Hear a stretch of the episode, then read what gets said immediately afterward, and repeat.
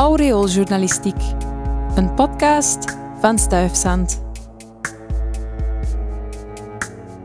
Midden in jouw dorp staat een kerk met een naam. Maar ken je ook de mens achter die naam? Vandaag vertelt Gert Melis-Maas je het verhaal van de heilige Martinus van Tours, ook bekend als Sint Maarten. Die wordt in de katholieke kerk gevierd op 11 november. Geen naastenliefde zonder kleerscheuren. Van een stoere soldaat zou je het misschien niet verwachten, maar Martinus was een toonbeeld van naastenliefde. In een uitzonderlijke strenge winter was hij met het Romeinse leger op weg naar Amiens. Onderweg kwam hij telkens mensen tegen die zoveel ontbering leden dat hij het niet langer kon aanzien. Eén voor één gaf hij al zijn kledingstukken weg, tot alleen nog zijn soldatenmantel en zijn wapens overbleven.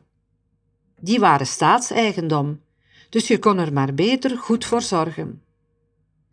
Zo kwam de jonge Martinus aan in Amiens, alleen nog in zijn mantel gewikkeld. Bij de poort zat een bedelaar die bibberde van de kou. De man zag ontzettend af.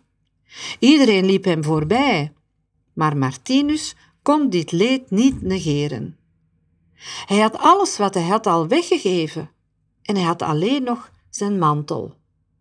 Hij vond er dus niets beter op dan zijn zwaard te trekken en zijn mantel in tweeën te snijden. De ene helft deed hij zelf weer aan, de andere sloeg hij om de schouders van de bedelaar.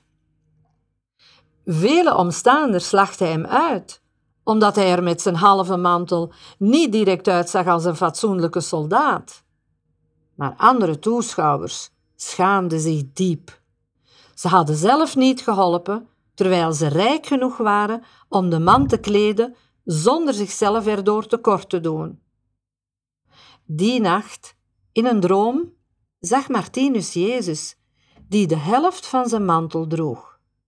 Diep geraakt liet hij zich dopen, verliet hij het leger en werd uiteindelijk monnik en bisschop. Hij behield zijn leven lang de eenvoudige levensstijl van een soldaat. De centrumkerk van Reti draagt de naam van Sint Martinus.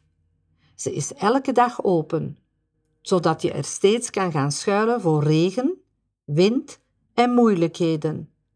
Of een kaarsje kan branden voor iemand die het nodig heeft.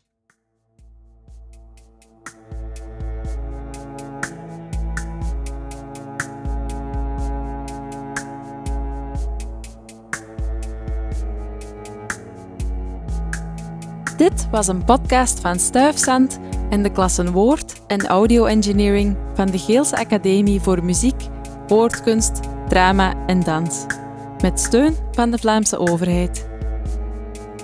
Heb je nog vragen, suggesties of opmerkingen? Laat het ons weten op info.stuifzand.be. Dankjewel voor het luisteren.